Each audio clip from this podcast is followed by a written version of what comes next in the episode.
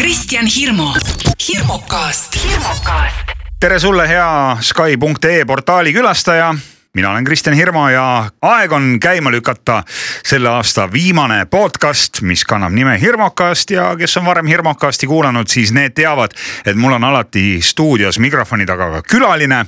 ja külalisega räägime me maast ja ilmast, elust, külalise töödest, tegemistest ja tihtilugu on külaline inimene, kes tegutseb Eestis meelelahutusvaldkonnas. ja täpselt samamoodi on see kõik ka täna ja mul on äärmiselt hea meel esimest korda Hirmukast Termokastis mikrofoni taga tervitada Tatjana Mihhailova-Saar tere, no nii ametlikult, ma arvan, et Tatjana mind kutsub, no sina nüüd kutsusid keegi mind Tatjanaks väga ei kutsu, nagu pass, passi nimi. aga tere sellegipoolest. ja tere Tanja, ütleme siis. vot, vot, vot see on juba kodune. see on natukene kodusem, aga sinu passis on siis, eks ju, nimi on Tatjana täpselt ja Tanja on siis selline lühendatud Lühem, versioon. no kes sind siis Tatjanaks kutsuvad? Mitte keegi eriti ei kutsu, aga, aga kui on mingisugused ametlikud sellised kohad äh,. tseremooniad Ord, ei, ordeni ei, üleandmised. ei, isegi siis ma olen äh. Tanja Mihhailova Saar ja isegi vahepeal, et kui ma nüüd läksin ju kooli ja ma pidime tegema endale konto, siis, siis ma ei saanud sisse logitud, ma ei saa aru, miks Tanja Mihhailova Saar ei toimi.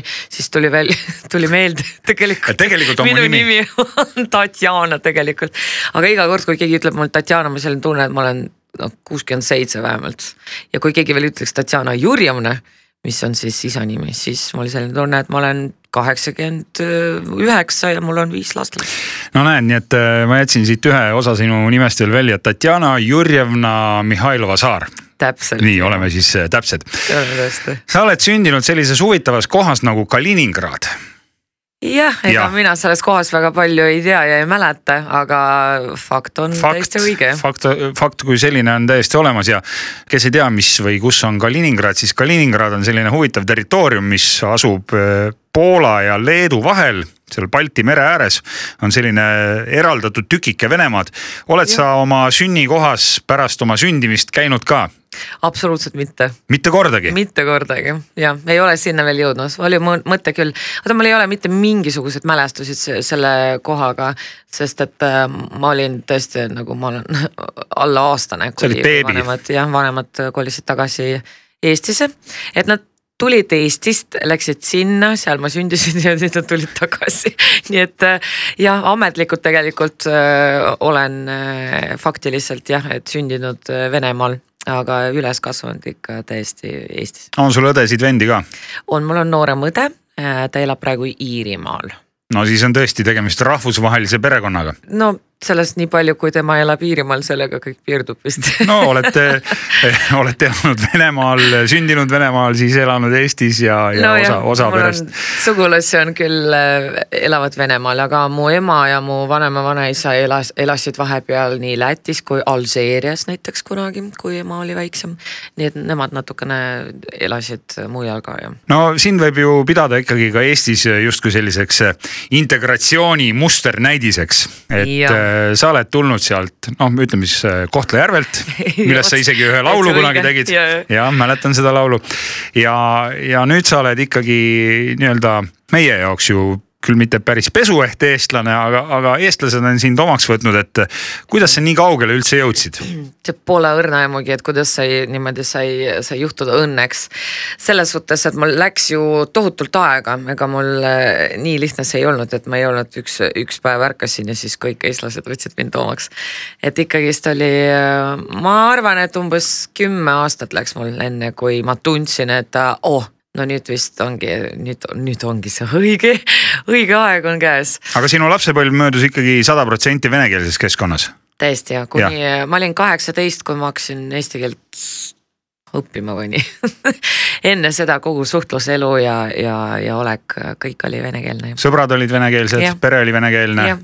poed äh,, hoovis äh,, väljas äh, peod ma, ma arvan, et ma umbes viiendas klassis sain teada, et on olemas eestlased. Ja ma teadsin, et loomulikult me elame Eestis ja puha, aga lihtsalt kõik ümberringi, kõik olid vene keeles ja me tarbisime ju informatsiooni, mis tuli ju Venemaalt, ega me ei vaadanud ühtegi vene, Eesti saadet ma ei ole meil ühtegi Eesti ajakirja ei näinudki ja, ja ajalehte, et kuidagi kõik oli kõik no nii vene kui vene võis olla. aga mis see tõuge oli siis selleks, et hakata eesti keelt õppima? ma läksin õppima ju Viljandisse, et tegelikult mul kunagi olid mingid plaanid, et ma lähen Moskvasse võib-olla õppima ja aga elu ikka paneb, jookseb nii sellise rada pidi, nagu ta jookseb ja. ja mul tegelikult Venemaal elavad ju sugulased, onu elab ja ma olen seal ikka mitmeid kordi käinud. aga ma ei tunne ennast hästi seal, ma ei tunne kuidagi turvaliselt ja see ma ei, see ei ole minu nagu koht et ma ikkagist otsustasin, et ma nagu ikkagist ei lähe Venemaale. ja siis äh, läksingi õppima Viljandisse ja loomulikult õppimine oli ju eesti keeles ja siis ma mõtlesin, et hmm, miks ma ei olnud ei olnud väga palju targem ja ei õppinud ikkagist keelt koolis, sest et ma tuupisin, aga ega mul mitte midagi külge ei jäänud ja. ja ma teadsin umbes kahte lauset, kui ma lõpetasin kooli, nii et äh, ma läksin õppima Viljandisse õppimine oli eestikeelne, selle jaoks, et sisse, sisse saada, oli vaja teha näiteks ajalooeksamit äh, eesti keeles, kuna mul oli tehtud bioloogia, siis mul lubati teha koha peal eesti keeles.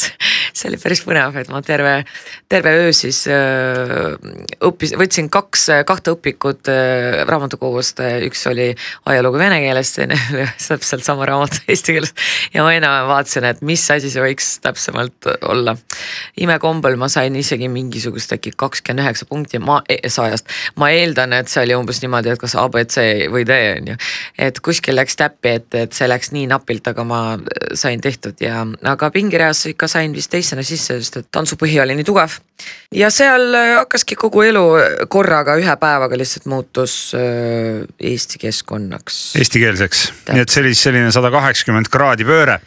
no eestlased ise võib-olla ei saa sellest arugi, aga räägitakse ju tegelikult seda, et eesti keel on üks maailma kõige raskemaid keeli ja kõik see meie grammatika ja need neliteist käänet ja, ja mis meil siin kõik on, eks ju. et äh, sina kui tulnud siis teist keelt kõnelevast keskkonnast, kas sa võid seda väita, et eesti keel ikka on raske? Eesti keel on väga raske, täpselt ja mul ikka läks äh, no ikka väga palju aega, aga mul näiteks, mul on üks fänn olemas, saksa fänn, kes on nüüd kolis Eestisse elama ja tema õppis eesti keele viie aastaga. et äh, ilmselt seal midagi mängib ka see, et mis keeles sa muidu räägid, et saksa keel natukene, tal oli nagu ta väitis, natuke lihtsam. no saksa keelest on eestlased laenanud ainult ühe sõna minu meelest ja see on tohuvabohu, mis tähendab nii saksa keeles kui eesti keeles ühte ja sama ah,. ongi nii või? ja sa tead, mis tähendab tohuvabohu? no ma enam-vähem saan no, aru. suur segadus, segadus täpselt jah. Sest ma võin öelda, et okay, ega okay., ega vene keel on ka väga raske, et kui me hakkame ja. võtma kõik need ja seal võib minna ka nagu peensusteni. mul on hea meel, et ma kahte, kahte rasket keelt olen kuidagimoodi Aga... nagu kas venelased ise oskavad vene keelt õigesti rääkida või, või lastakse samamoodi üle nurga ja, ja tehakse seal, ma ei tea, grammatikavigu või, või minnakse mingit lihtsamat teed mööda, et kuidas sa, kuidas sa kuuled seda vene keelt? grammatikavigu ei tehta nii palju, meil on küll see, et meil on vabadust rohkem, et kui sa kirjutad näiteks äh, laulutekste sest seda vabadust on rohkem, sa võid venitada sõnu ja siis nagu luulelises mõttes äh, võib igast asja teha.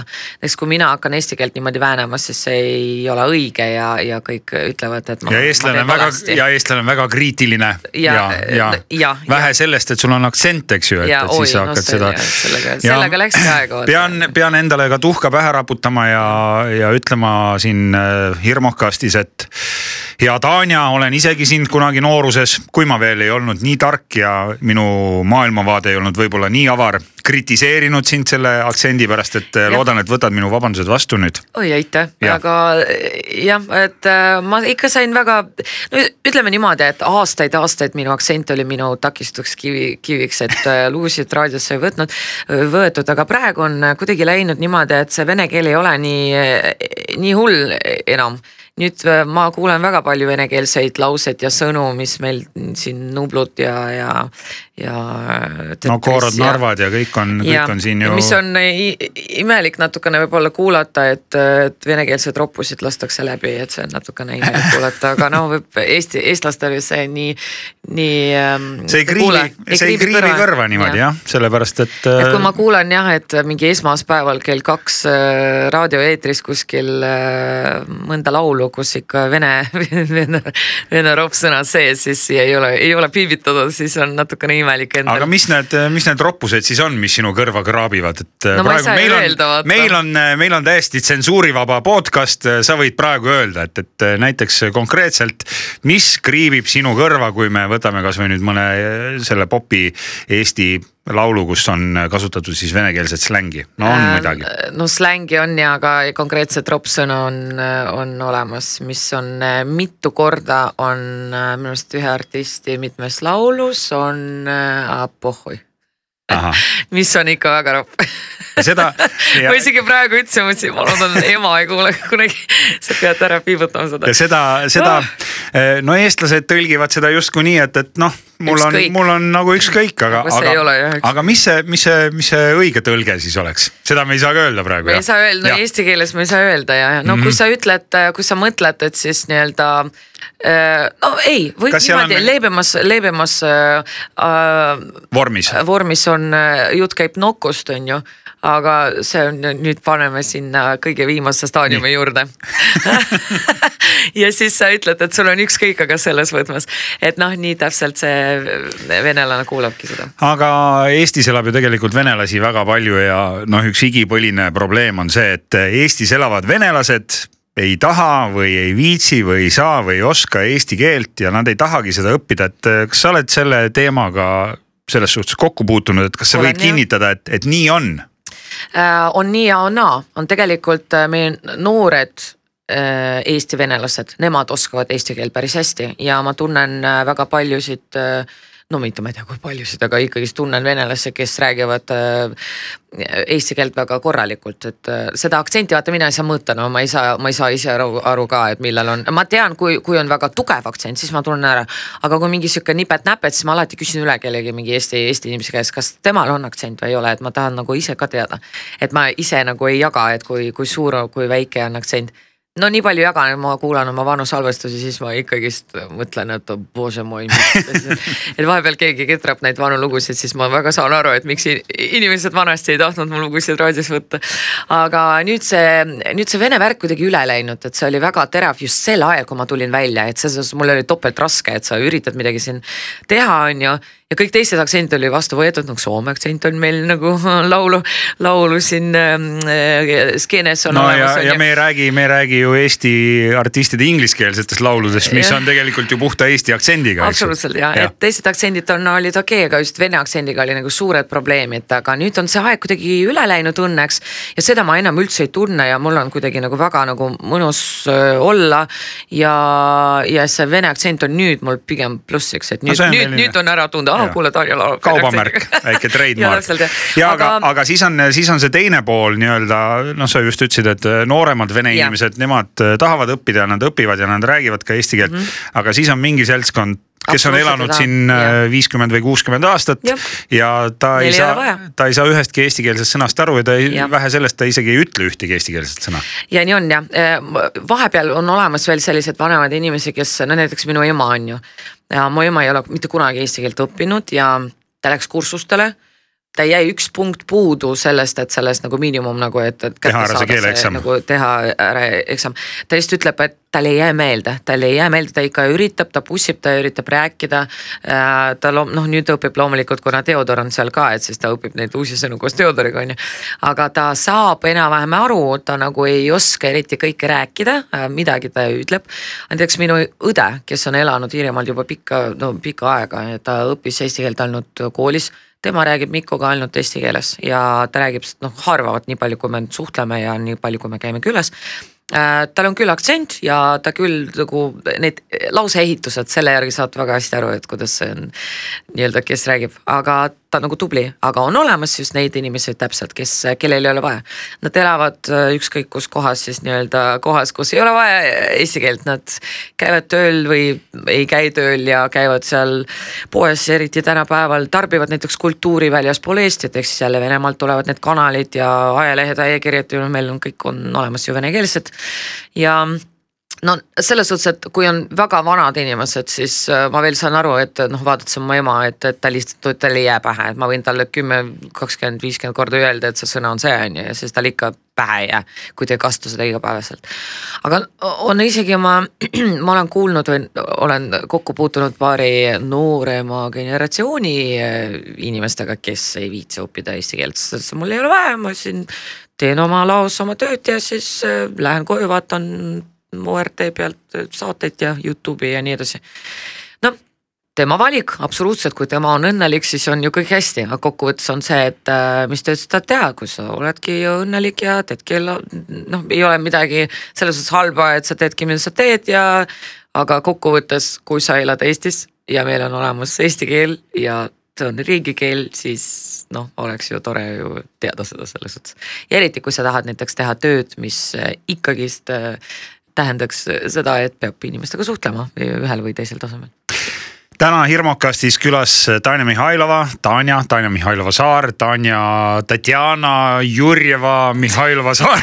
okei, Tanjast piisab sulle, sulle heal lapsel mitu nime on üks ja. vana eesti kõnekäänd ja ega me ei saaks sinuga ka siin seda juttu rääkida, sellepärast et mina olen jälle õppinud koolis vene keelt. aga sama lugu, kui sul keelepraktikat ei ole, siis paraku see hakkab järjest ununema ja eelmisel see oli isegi selle aastanumbri sees veel, kui Tartus toimusid Eesti Laulu poolfinaalid, oli ju selline väga rumal juhus, kui Nii.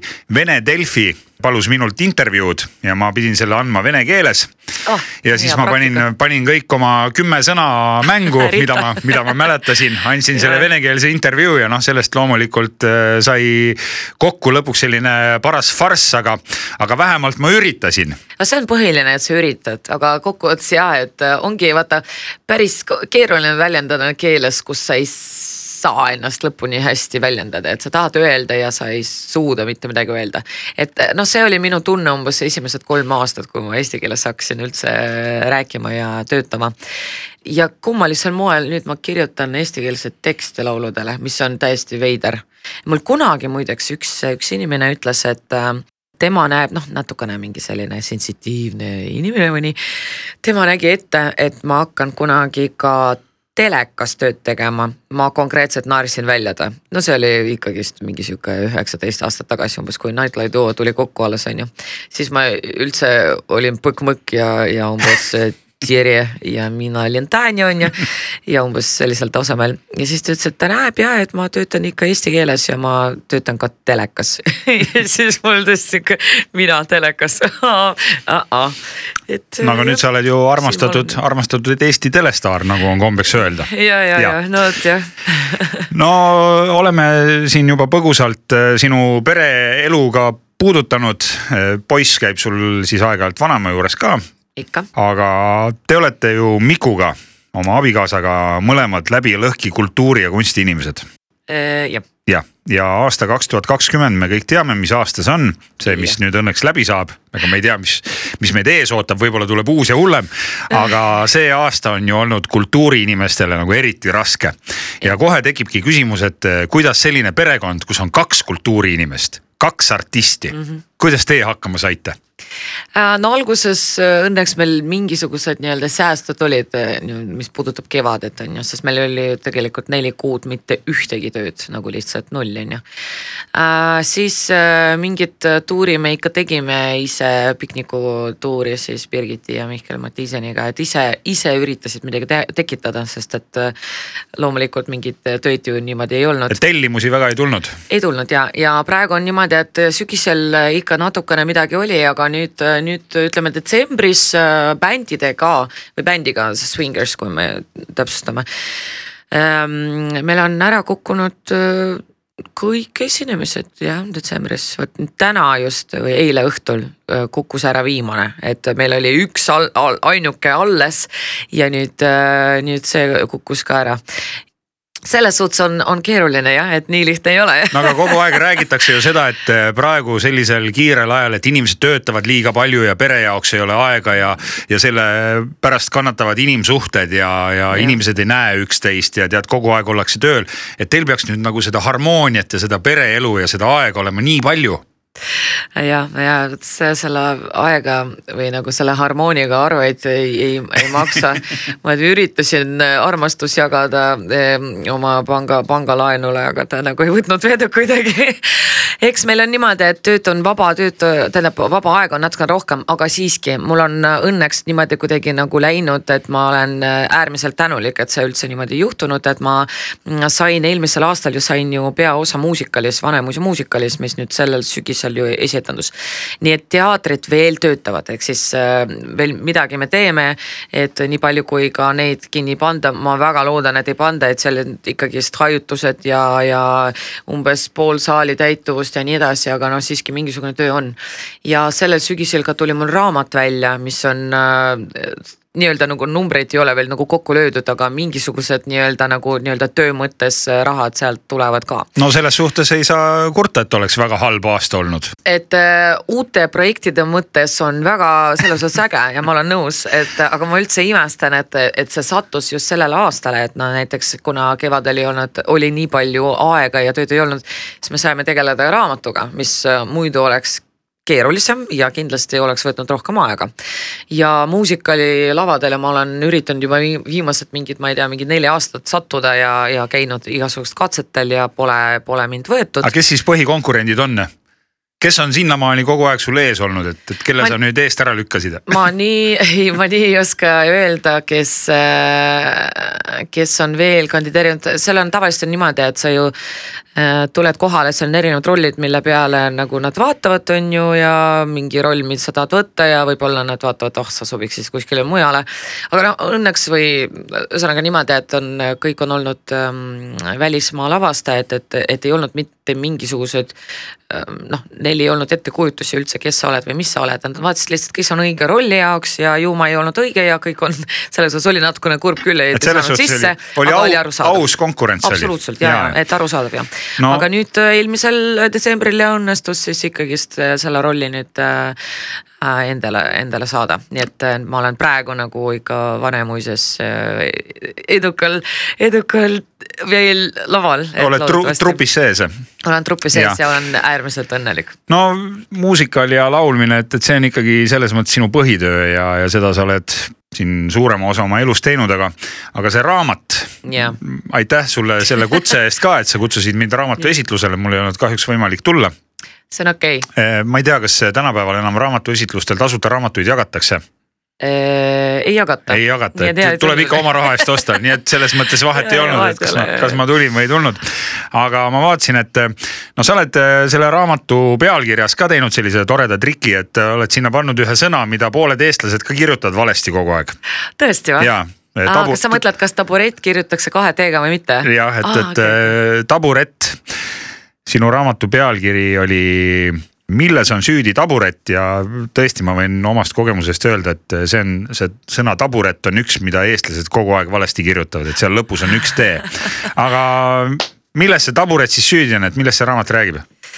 Tegelikult see on selline meelelahutusraamat äh, minu teekonnast äh, siia, kus ma olen, aga pigem laulja nagu noh, et ma ei võta seal mingisugust, ühesõnaga musta pesu ma ei pese ja mingit skandaali ei tekita. et ära ei keelata see... seda raamatut? ei, kindlasti mitte ja, ja et see ei ole see raamat, et ma ei ole sihuke inimene, et mul on olnud küll siin võimalusi mingisuguseid asju arutada, aga ma ei, mitte kunagi ei tee seda, et see ei ole teiste inimestele nagu noh, huvitav võib-olla kindlasti, aga ei ole vajalik, et äh, mingi musta pesu avalikult pesemine ei ole minu rida pigem sellest ja, et, et mida ma olen nii-öelda nagu võib-olla inimesi, kes ei ole üldse kursis, et noh, et vot ma olen siin olemas, on ju, aga kust ma nii-öelda tulin ja mis, mis toredaid seike on juhtunud, et, et, et siis saab sealt lugeda, aga et... ka see, et. et ma tean, väga paljusid huvitab, mis see, mis see laulja muidu teeb, et nagu muidu kõik näevad, et sa oled laval ja sa oled telekas, aga ja, tegelikult. aga mis tööd sa muidu teed? ja, ja mis tööd ja. sa muidu teed, on ju, tegelikult seal taga on nii palju tööd ja raskuseid ja igast hästi naljakaid ja mitte nii nii naljakaid juhtum, juhtumeid. Mm, ja mina alati oma kontserditel ju räägin ju inimestele ka, inimestega juttu, räägin neil midagi naljakat, mis on juhtunud ja no tead, nagu ikka suhtled inimestega. ja see tagasiside on olnud nii tore alati, et siis mul tekkis umbes kolm aastat tagasi mõte, et oh, äkki oleks tore nagu mingit raamatut kirjutada. siis ma mõtlesin, et ah, keda ikka huvitab, on ju, siis ma selle peale ei ole üldse nagu tulnud või nagu ei ole mõelnud selle peale. nüüd selle aastani, kui mul minuga võttis kirjastus Pilgrim ise ühendust ma ei ole mitte kellega üldse rääkinud sel teemal, ainult Mikuga ja oma paari sõbraga. ja lihtsalt kuidagi saatsin vist mõtte universumisse ja siis sellel, sellel jaanuaris siis tuli vastus. tead, see universumi jutt on tore, aga ma arvan, et sa pead oma sõprade listi kriitiliselt üle vaatama, et äkki nad ikkagi lekitavad mingit infot või siis ei või Mikku usaldada, et pagan seda teab. aga see on siis selline nagu eluloo raamatu laadi toode või? nojah, aga ta ei ole ikkagi selles suhtes memuaarid, et on pigem äh, jah, et ma räägin sellest, ongi ongi, et kuidas ma üldse siia sattusin ja tegelikult see päris nagu ma, vaata, kui sa oled igapäevaselt selle nagu melu sees, on ju. Ma vahepeal tõesti jõuan ära unustada tegelikult, kust ma olen tulnud ja mis on äh, kasulik, on ikkagist meelde tuletada endale tihedamini, kui sa muidu seda teed, on ju. ja mõnes mõttes on hea seda praegu teha, kui sa veel asju mäletad, sellepärast et veel mõni aasta ja sul enam ei meenu need asjad. ja, ja muideks oligi hea, et kui me hakkasime üles kaevama neid igasuguseid story sid ja me rääkisime ju teiste inimestega ka, et mis nad on rääkinud mingeid asju, mida mina ei teadnud või ei mäletanud. ja siis ma vaatasin oma mingeid vanu artikleid äh, välja lõigatud, kuskil ema on mul hoidnud jälle mingeid neid vanu, vanu, vanu, et ikkagist veel, veel Kohtla-Järve aegast. Ja siis äh, näiteks ma avastasin, mis oli hästi tore, mm, ühest art-, ühes artiklis oli selline jutt, ma olin kolmteist ja ma käisin kuskil festivalil, ma ei mäleta, aga ühesõnaga minu nagu mingi selline lause oli seal sees, et, et äh, minu nagu lavaelu mõte on tuua inimestele rõõmu ma olin täiesti pahviks löödud, sest mul siiamaani on see mõte, et ma ei ole ainult laulja, ma olen meelelahutaja, et mulle meeldib see, et ma olen selles suhtes artist, et mulle meeldib lahutada inimestega meeldi, on, ongi nii lihtne on. Et ma tahan, et inimene unustab oma mingid, ma ei tea, probleemid või mured kasvõi pooleks tunniks, kasvõi tunniks ajaks, kas ta tantsib, kas ta laulab kaasa, elab välja, naerab koos minuga, võib-olla natukene kurvastab, aga et see oleks puhas, kvaliteetne, professionaalne, äge meelelahutus, et ja minu jaoks meelelahutaja ei ole nagu nii-öelda negatiivne, et ma tean inimesi, kelle jaoks on ei, ei, ma olen ikkagist äh, laulja ikkagist nagu tead seal noh, et, et meelelahutaja on natukene mingi siukest nagu tead äh, noh. et sa pead tegema kõike, et kui keegi palub sul kuskil peol tordi seest välja hüpata, kas sa seda teeksid? Äh, sõltub. sõltub tordist. sõltub tordist selles suhtes, et ma alati nüüd selleks nüüdseks, ma ei tee kõike loomulikult, et ma ikkagist vaatan, et see oleks väga hästi tehtud, väga stiilne, väga, et see ei oleks äh, labane, et äh, nüüd mul on mis on hästi äge ka, et ma jõud, olen jõudnud siia, et mul on nüüd õigust ja võimalust ja tahet öelda ei. Sel juhul, kui see ei lähe mingisugust visiooniga või põhimõtetega kokku, ma ei pea võtma igat ähm, pakkumist vastu ükskõik, mis see tuleb, ma olen, ma olen seda teed läbi käinud, ma olen laulnud sihukest urkades, et lihtsalt nagu ma olen laulnud neli korda viiskümmend minidiski saatel baaris nurgas, kus kaklus käis samal ajal, ma olen, no ühesõnaga, ma olen kõiki neid asju teinud ja, ja, ja, ja et äh, halva tehnikaga ja ilma tehnikata ja nii edasi, nii edasi, et ma olen kõike seda läbi teinud, et mul on, ma ei pea seda tegema. mul on väga hea meel, Tanja, et sa ei öelnud ei siia hirmukasti tulekule, et et sa tulid. no nii hull ei ole. tulid, tulid minu, tulid minu podcast'i, mida saab siis äh, kuulata Sky.ee-s ja Sky.ee kanalites üle terve interneti. no tegelikult ma ikkagi saan aru, et ähm, sul on äh, kuskil kuklas see, seesama küsimus, mida sulle tihtilugu esitatakse, et hea küll, et sa oled laulja, sa oled meelelahutaja, et aga mis tööd sa teed, et sa ikkagi tahad mingit päris asja ka teha, sest sa läksid ju kooli ka ma tegelikult läksin kooli enda jaoks, et ma ei, ma ei läinud sinna mõttega, et ma nüüd hakkan ametit vahetama, sest et äh, mulle meeldib ähm, jälle tänu sellele koroonale. paganama koroonale. paganama koroonale, äh, mis on õnneks toonud kuidagi nagu noh, uued tuuled tulid tänu talle, nagu raha läks, aga tuuled tulid raha läks tuulde, aga uued tuuled saabusid. igal juhul, et äh, kuna oli vaba aega, siis me käisime maal äh, abistamas, ma esimest korda elus panin kartuleid maha ja pistsin oma näpud mulda ja mulle täitsa meeldis, selline meditatiivne tegevus. tead, ma ütlen, see on seotud vanusega lihtsalt. see võib ka olla. jah, et mida, mida vanemaks, mida vanemaks sa saad, seda rohkem sa tahad sinna maale ja mulda ja, ja, ja noh, me teame kõik, kus inimene lõpetab, eks ju, lõpuks ja, ka sealsamas, aga, aga sa läksid äh, luua mis selle kooli nimi täpselt on? Luua metsanduskool, ma tean, mul üks väga hea tuttav läks õppima sinna matkajuhiks. aga sina õpid seal mida? maastikuehitaja tundub selline hästi laia profiiliga kool olevat, et. Äh, kui sul on vaja hoovis midagi teha, siis peaksid luua kooli. Äh, helistama ja siis äh, teen sulle teed seal, noh tähendab praegu veel ei tee mitte midagi, sest meil alles esimesed tunnid käisid. teed ja, või ma ei tea, ehitan muru. puidust midagi, panen muru maha ja vaata mingi puud ja nii edasi ja põõsad ja, ja lilled ja.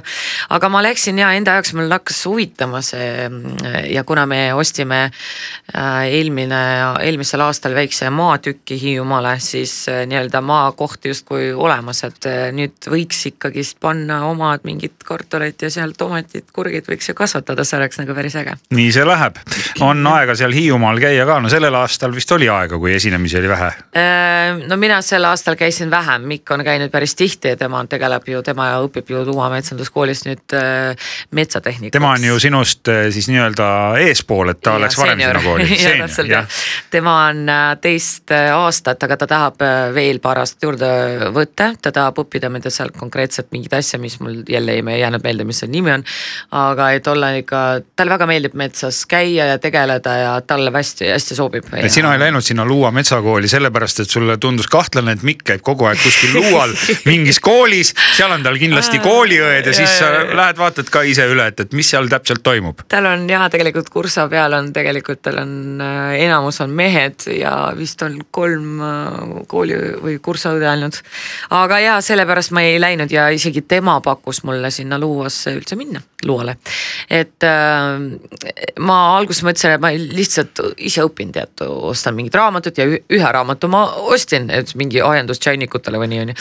et äh, aga siis ta vaatas pealt ja siis mõtles, kuule, et kas sa ei taha minna õppima, et, et seal võib-olla nagu neid teadmisi antakse juurde paremini, kui sa ise oskad neid äh, nii-öelda otsida tähendab noh, pikalt ja mõelda, mõtlesin, et kuidas ma jõuan, aga tegelikult on kaugõpe, et me käime kolm päeva kuus väga intensiivselt hommikuse õhtuni. aga no praegu näiteks teine või kolmas sess oli niimoodi, et, et ma käisin hommikul kaheksaks läksin kooli ja läksin kella viieks tagasi Krimmi Vanemuise, läksin lavale glamuur, glamuur siis hommikul läksin. tõmbasid kummikud jalga. kummikud jalga ja läksin liiva sisse ja mude sisse ja ja nii on jah, aga põnev. no ma olen isegi siin ju täiskasvanuna jälle kooliteed alustanud või ütleme siis nii, et minu koolitee on juba seal hästi-hästi finišis, mul on vaja ainult Tehnikaülikooli lõputöö valmis kirjutada, mis on tegelikult siis see kõige. mis alal sina siis? no ma võtsin natukene lihtsama ja sellise pisut puhtama ala, et, et äh, ma õpin majandusteaduskonnas turundust, aga, aga seda peab ka keegi tegema, et, et kui te teete siin Mikuga nüüd oma metsa või, või aiandusfirma, siis mina võin tulla teile turund, turundust tegema. aga see täiskasvanuna koolis käimine, see on kindlasti selline äh, teistsugune protsess, et sa ju näed asju hoopis teisiti ja, ja., ja saad asjadest teistmoodi aru ja saad ka teinekord aru, et, et miks mingeid asju on vaja üldse teada, et. ja, ja sa, äh, kõige suurem on see, et sa tahad õppida, et äh, ja ma arvasin, et tegelikult, kui ma lõpetasin Viljandi kultuurikolledži kunagi, siis mõtlesin, okei okay,, ma ei, enam ei viitsi õppida, et ma tahan lihtsalt ma tahan.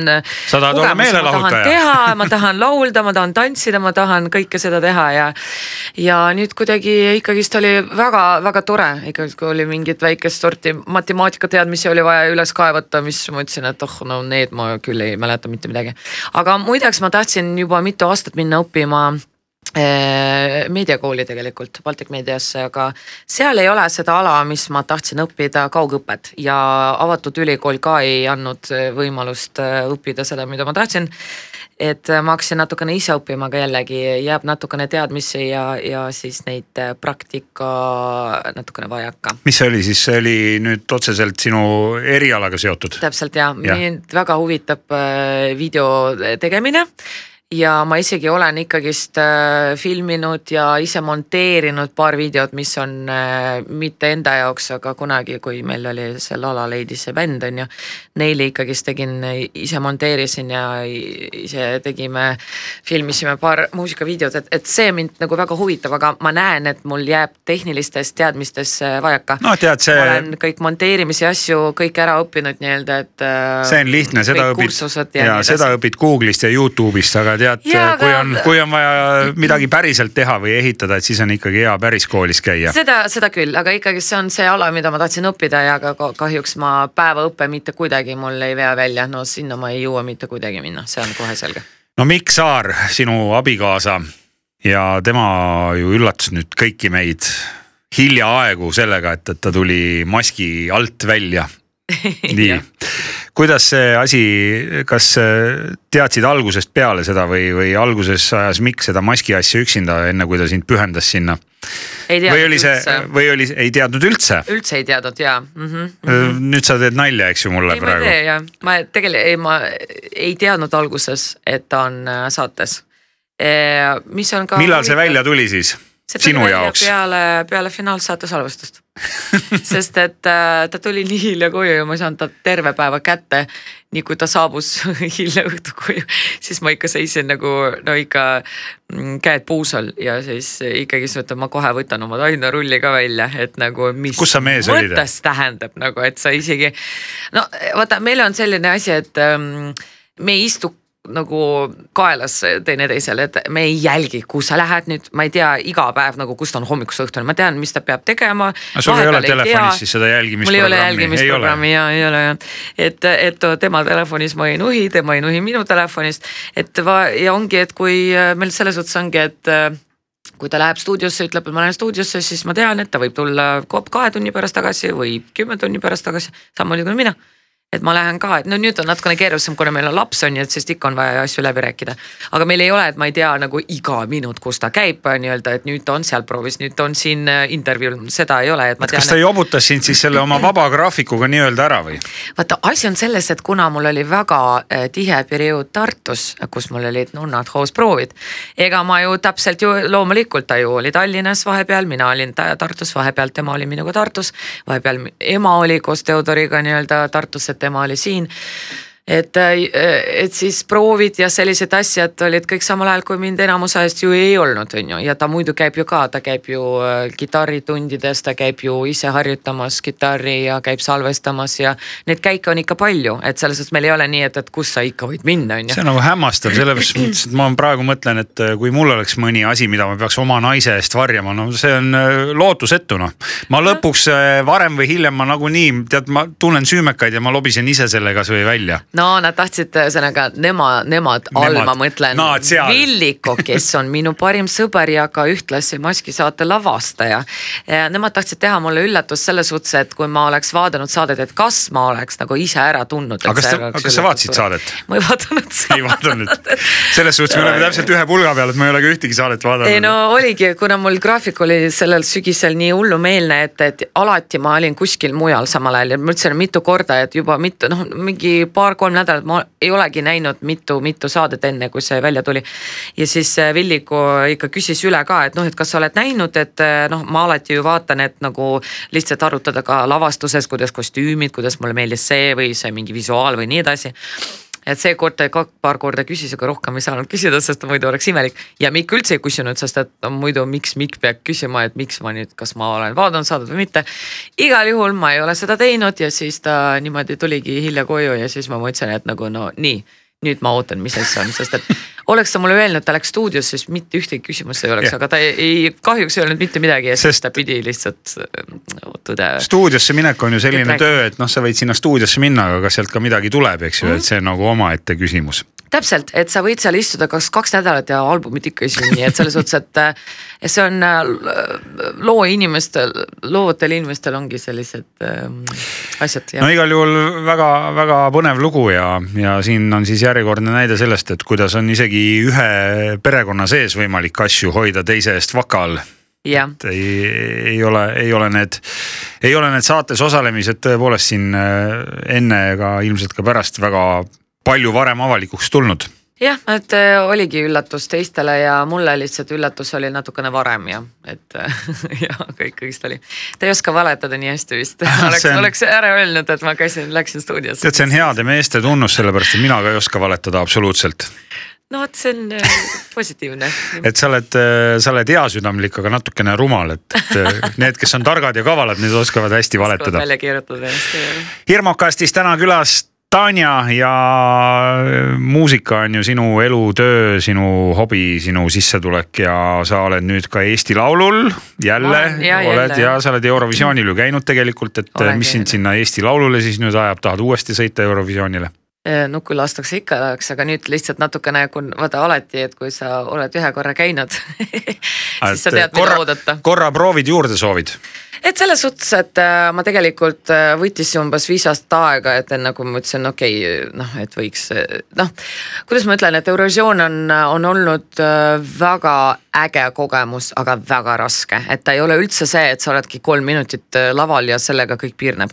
see, mis äh, sellele nagu eelneb, on ja eriti minu selle tol, tollase nii-öelda äh, numbri puhul, see oli üüratu, see füüsiline ettevalmistus ja proovide ja, ja võhma ja, ja muidu kõik asjad veel pealekauba, sest et peale seda näiteks, kui ma võitsin, no üldse Eesti Laulu ära võita aastal kaks tuhat neliteist, see oli selles suhtes raske, et mul olid ju vaata selle roiete vahelise närvipõletiku värk on ju, et ma ei saanud vahepeal isegi püsti, et see oli kõige raskem nii-öelda vigastus noh, siiamaani, mida ma olen saanud pluss on see, et see oli number väga raske, et see ei ole, võib paista, et ta ei ole liht- nagu nagu Väga raske. raske, aga tegelikult on reaalselt raske, et, noh, ürita sa hüpata ja laulda, aga ürita sa neid asju teha, et, tegelikult ka oli väga füüsiliselt raske. kas selle aasta laulu koreograafia on lihtsam või?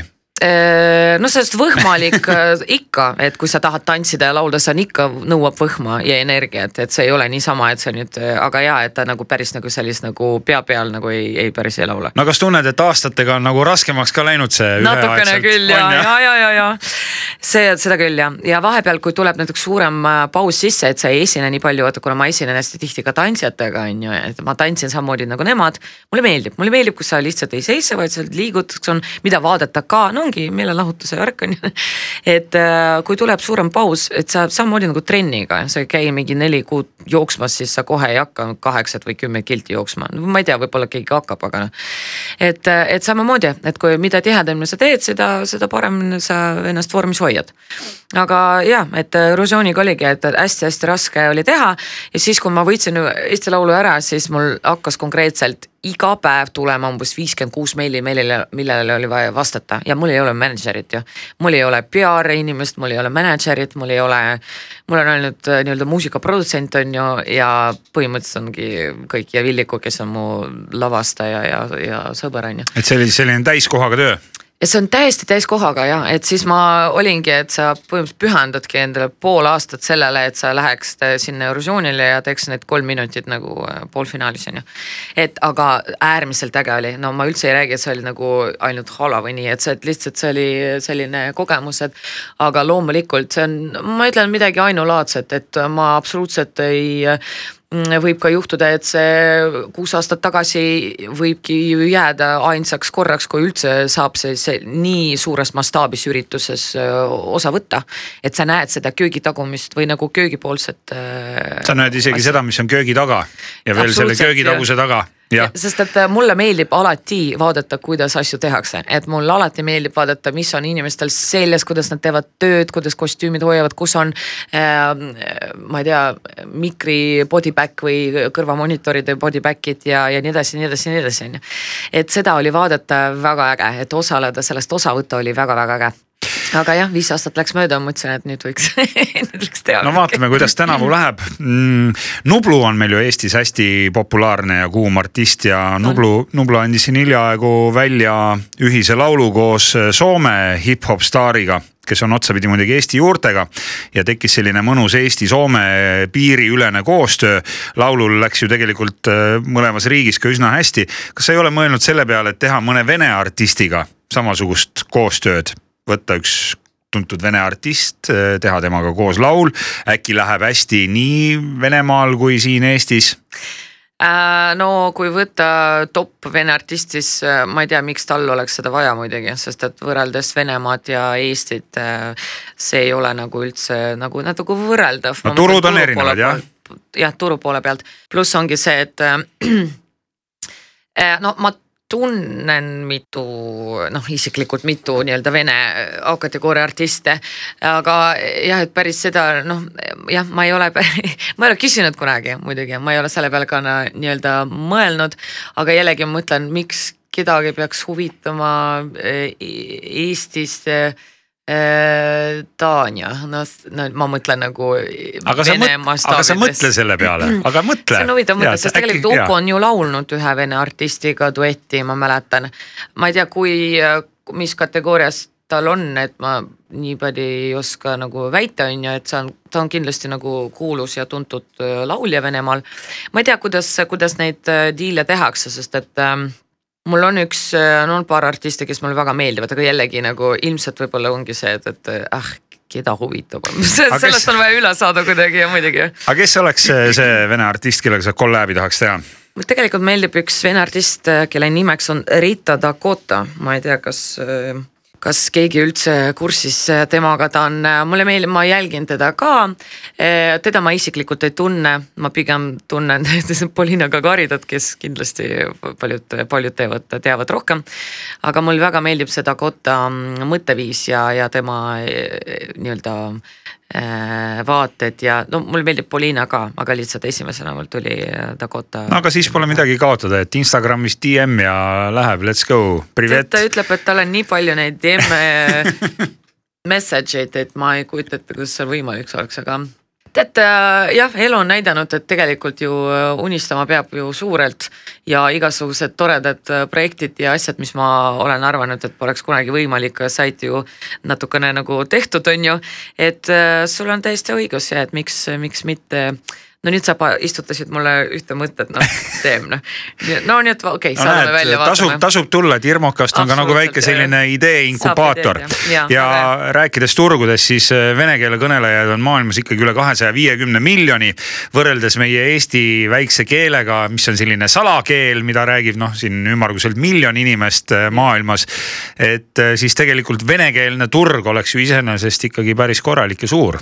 aga seal on ka raske läbi lüüa. absoluutselt, esiteks esiteks sul on vaja kas väga häid sidemed või siis äh, väga palju raha et ähm, muidugi tänapäeval läbi interneti ikkagist vot samamoodi Rita Dakota tuli pigem sealtkaudu, et ta on selline, et raadiosse teda ka ei võetud, aga tal tuli väga palju, kuulajaskond on suur. et noh, alati on see ja turg on absoluutselt turu, turgude, turude vahe on äh,, on kolossaalne, et kui sa võtad niimoodi, et äh, ütleme, sa teed laulu, sa paned seda ülesse ja seda no ütleme, et Vene mastaabis tõmbab alla noh, ütleme sada tuhat inimest, mis on protsentuaalselt on imepisik protsent, see on nagu meil mingi, ma ei tea, kümme inimest oleks, on ju. ja kui igaüks tõmbab juba ühe, ma ei tea, dollari või ühe euro eest, on ju, sa juba saad väga ilusti teha edasi asju. aga, aga meil mitte et kui kümme inimest tõmbab alla, siis sul ongi täpselt, ma ei tea. kümme eurot, eurot on, on ju. aga need nii-öelda ressursid, mis lähevad sisse, on ju suhteliselt samad, meil on sama tehnika, sa ostad sama arvuti, sa paned sama aega.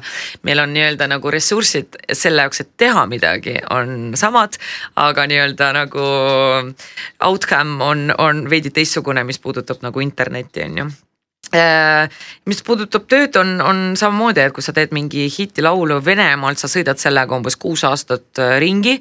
ja sa oledki kogu aeg nagu tee peal ja teedki, meil on siin umbes viis kohta või viis klubi, kus sa saad üles no meil on, meil on ju tegelikult nii-öelda nõukogude ajast need näited olemas. Anne Veski, Ivo Linna, kes meil siin olid, Jaak Joala ju suurel Nõukogude Liidu estraadil ja.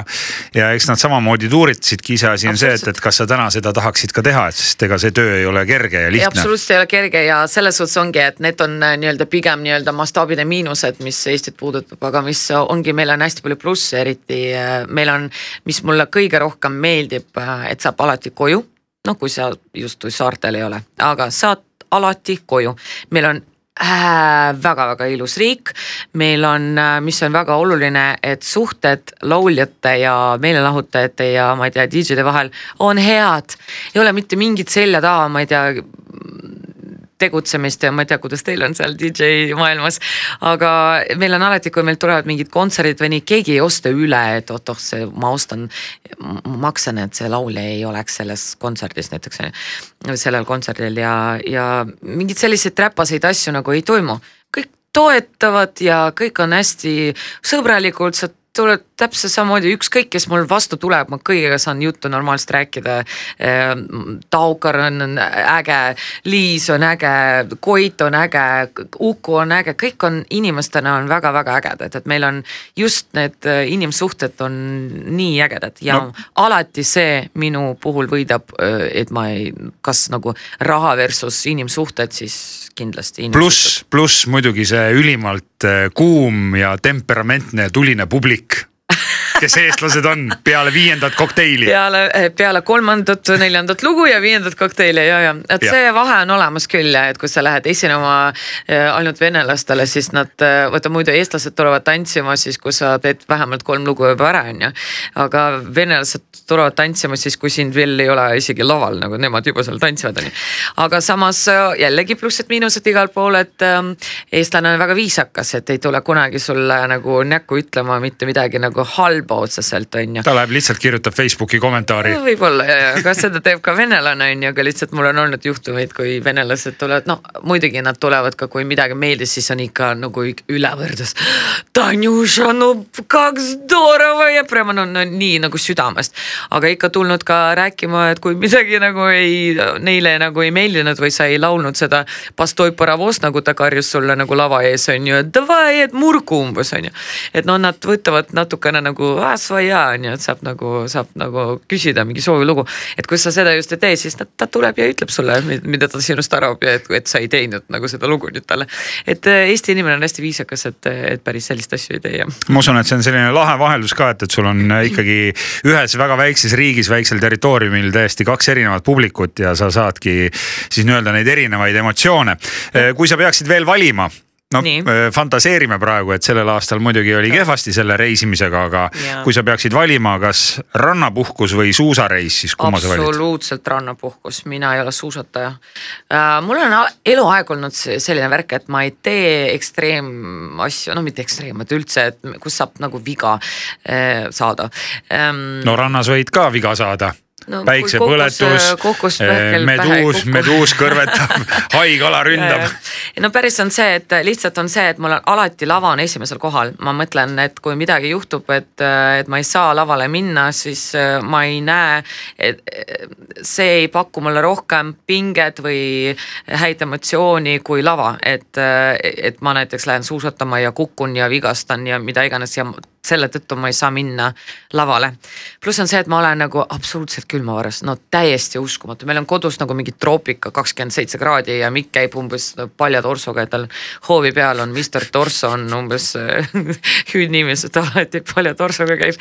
et on palav, sest et äh, mul on igal pool külm, et äh, ma tahan päikest, ma olen päikseinimene, ma tahan päikest ja loomulikult mulle meeldib vahepeal, kui on ilus lumi ja sa lähed, me ja noh, tead, jalutad ja siis võtad glöögi ja la la la on ju, aga et eh, kui valida, meil on oleme Eestis, siin on eh, soojade ilmadega nii nagu on ja kui mul on umbes üks kord aastas on võimalus ja aega minna puhkusele, vot ma ei lähe sinna, kus on külmem. et, et eh, kuigi Lapimaale ma nüüd tahaks minna, et ma tahaks näha neid äh, nüüd äh, loomulikult eesti keeles läks see sõna meelest ära, kuidas see on. sa tahad näha virmalisi? virmalised, vot täpselt jah, virmalisi tahan näha. Ja, ja no ikka see on tore, et selline Lapimaa ja tulekesed ja suur selline tead lumehangete kogum ja, ja jõuluvana ja nii edasi, nii edasi. aga. aga ikkagi rannapuhkus. rannapuhkus. ja nii et suusareisil ei ole mõtet siis Taaniat kutsuda.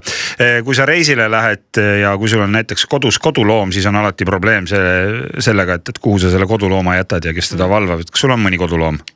kalad kalad, kaladega on lihtne kalad on selles suhtes lihtne, et äh, seal nad on jah, ja meil ikka. masin toidab neid ja. naabri, naabri vahel loosime, äh, kes on see naaber, kes õnnelikult saab toita meie kalu mingi kord kolme päeva või nelja päeva jooksul on ju. aga muidu ja, et kuna Mikul on äh, allergia, siis meil ei ole mitte mingisuguseid koduloomi, mis on võib-olla ka hea, sest et vaadates, kui hektiline graafik meil on, siis ma ei kujuta väga ette, kuidas veel kodulooma saaks sinna ähm, ära, ära paigutada. aga muidu sulle, muidu sulle loomad meeldivad? mulle meeldivad ja ähm,. kui sa küsid, kas ma olen kassi või koera inimene, ma vist pigem. kusjuures ma ei oleks koera. seda küsinud, aga sa ise küsisid praegu no,, nii et kumb sa oled siis? pigem ütlen, et ma olen koerainimene mulle hästi meeldivad huskid, nagu nende iseloom, see on naljakas, ma alati vaatan need mingid videod ja mul on paar tuttavat, kellel on huskid ja see on midagi sellist, aga no me elame korteris, oleme ausad, no mis koerale meeldiks nagu suurele koerale nagu korteris elada, et ikkagist meil ei ole sellist nagu kinnist hoovi. noh, meil on hoov, aga no ikkagist päris mitte see, mida ma mõtlen, et, et ma mõtlen, koeral peab olema võimalus joosta, eriti huskil, sest et ta leiab seda võimalust muidu, et ma ei tea närib meile välisuksest augu või midagi, et, et, et põgeneda. aga ja, aga mul oli ikkagi üks loomaküsimus oli hirmukasti lõpetuseks sulle, Tanja, et, et sa ei arvanud seda küsimust ära, et see ei olnud see, et, et kas kass nee. või koer, aga mul on sulle hoopis selline loomaküsimus täna lõpetuseks, et kui sa ise peaksid olema mõni loom mm, -hmm. siis mis loom sa oleksid? ma oleks rebane. rebane mm, -hmm. selline tavaline Eesti rebane? ei selline kuldsem kuldsem rebane ütleme nii, et äh, kuidagi äh, mul, ma ei tea, mus, mul seostub natukene ise. kas sa oled rebane. kaval, kaval nagu rebane äh,? mitte kogu aeg äh, kaval, aga jah, natukene kavalust peab olema, nii nagu naiselikud kui ka ärilised kui ka igatpidi, et väike kavalus peab olema, aga samas selline positiivne ja ma ei, ei pea silmis seda nii-öelda rebane on ju kanavaras. nõmadut, nõmadut rebast on ju. aga millegipärast mul õde kogu aeg lapsepõlves kutsus mind rebaseks ja, ja päris mitud inimesed minu juuksevärvi ka mingi edaspidi kutsunud mind. mis sa olid siis, Lissa või? Lissa jah, lissiška jah et, et kuidagi nagu esimene loom, mis hüppas niimoodi pähe, ongi ütleme, et selline kuldne rebane siis. kuldne rebane, Tanja Mihhailova, Saar Jurjevna. Tanjast jah, Tanja. suur tänu, et tulid täna Hirmokasti. sinuga oli väga mõnus ja meeldiv vestelda. Hirmokasti saab kuulata Sky.ee portaalis, Sky.ee veebikanalites üle terve interneti ja mina, Kristjan Hirmu, luban, et Hirmokastis kohtume juba uuel aastal ja uute külalistega. ja sulle, Tanja, ilusat aasta lõppu. aitäh ja sulle ka hirmukast. Kristjan Hirmu ja külalised, kel alati midagi öelda. kuula hirmukasti portaalis Skype.ee